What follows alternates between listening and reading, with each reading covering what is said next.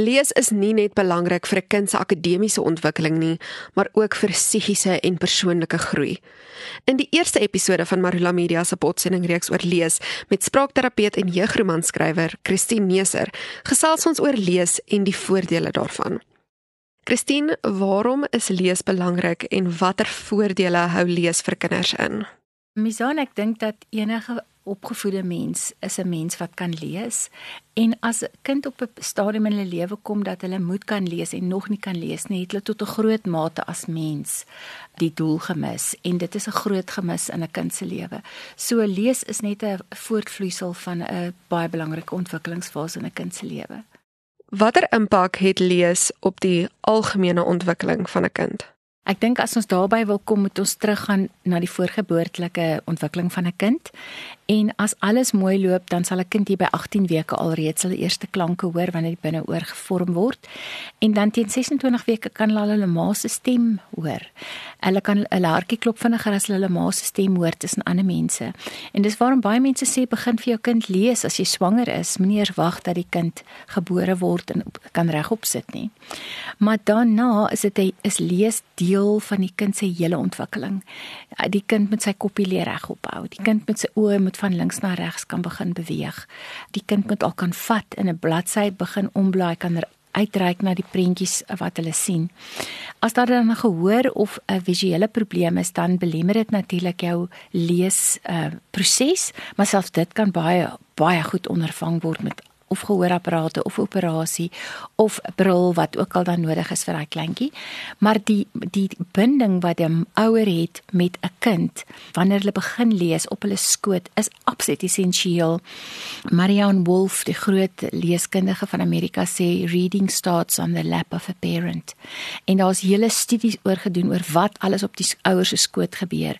Maar die groot ding is dat daar liefde tussen 'n boek en die hele aksie van lees, die kind en die ouer is en dis die wegspringplek dat dit 'n vreeslose, prettige, intieme proses is sodat as die kind by 6 jaar oud kom en moet graad 1 toe gaan daar 'n absolute liefde vir lees is al kan hulle nog nie die klanke lees nie. Hoe kweek mens daardie intieme liefde vir lees by jou kinders? Wel, ek dink dis een van daai goed wat mens kan nie vir kinders jok nie. As 'n ouer passievol is oor lees en mal is oor om die kind op die skoot te sit en boekies te kyk, dan dra dit oor. Dis nie iets wat mens maklik vir ander mense kan oorgee om te doen nie. Dis iets wat 'n baie persoonlike ding is.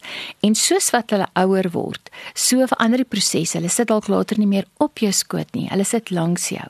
Maar dis jy en die boek en die jou hele instelling teenoor lees.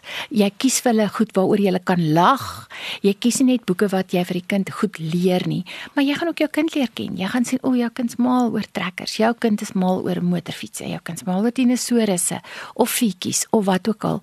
En so kry jy boeke wat daai kind absoluut fascineer. Seentjies wat moeilike lesers is as leerskool toe gaan, ag, jene, ons daai lekker boeke vir hulle want kyk, dan moet net 'n ding burp, dan se seentjie op sy beste, dan lag hy hom stikkend en dan is die lees om vir hulle lekker.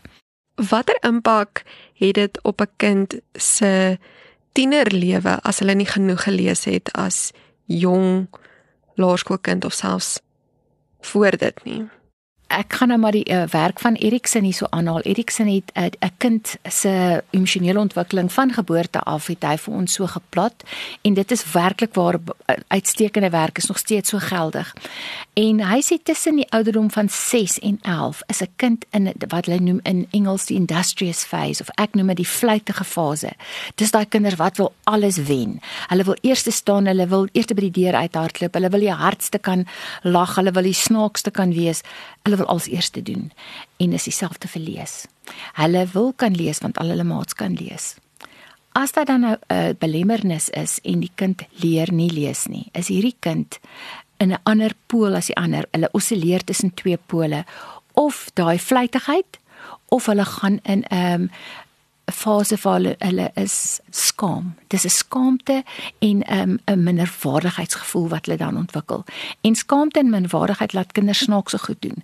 Hulle raak of opstandig of hulle raak traak minagtig of hulle raak die klasse aan swors en hulle kry dan strategieë en maak asof hulle kan lees, maar hulle kan nie regtig nie. En be, dit belemmer die kind se volgende fase waar hulle is waar hulle hulle identiteit moet vestig. Want hier van 12 jaar af is kinders tussen twee pole van 'n sterk identiteit of 'n identiteitsverwarring. En daai kind wat nie geleer lees het nie, kan ek jou 'n brief gee, is 'n identiteitsverwarring want wie die duiwel is ek? Ek kan nie soos die ander lees nie. Ek is heeltyd agter, ek is heeltyd onseker. Ek hou nie by nie en ek kan nie heeltyd meer die uit die Hanswors in die klas bly nie. So dit is die groot probleem wanneer 'n kind nie leer lees op die regte tyd nie. Lees kinders genoeg? Nie op hulle eie nie. Ons is nou in die digitale fase in die vierde in die industriële revolusie en hierdie kinders word gebore met 'n selfoon in hulle hand. Hulle is heeltyd besig om te kyk na klein reels, hulle kyk YouTube. Dis die wonderlikste kinderoppasser het hou kinders stil en waar ouer voorheen sou sit met die kind en 'n boekie op haar skoot, is sy nou besig met haar selfoon, besig om boodskappe te stuur, besig om al hierdie veeltakige goed te doen by die huis en baie ouers, 'n groot persentasie van ouers waarmee ek dit doen het, lees nie genoeg vir hulle kinders nie. Dit is die voorskoolse kind. En dan gaan die kind op skool ook nie lees as hulle eerder na ehm um, iets met animasie kan kyk nie. As hy moet kies, die meeste kinders kies 'n animasie reeksie om te kyk eerder as om 'n boek op te tel en dan die woorde te lees. Dit is baie meer moeite behalwe as dit vir die kind lekker is. En dis hoekom die lekker die regte boek so belangrik is want 'n brein werk op die genotsbeginsel. Hy wil net goed doen wat vir hom lekker is. En as dit vir 'n kind lekkerder is om 'n storieetjie te kyk of 'n game te speel, 'n speletjie te speel, dan gaan hulle daai boek eenkant toe stoor, dan gaan hulle nie wil lees nie. En dit is waar ons moet planne maak om dit vir hulle lekker te maak, onweerstaanbaar te maak om te lees. Skakel volgende week in wanneer ons met Christine oor die impak van lees op die vroeë ontwikkelingsfase van 'n kind gesels.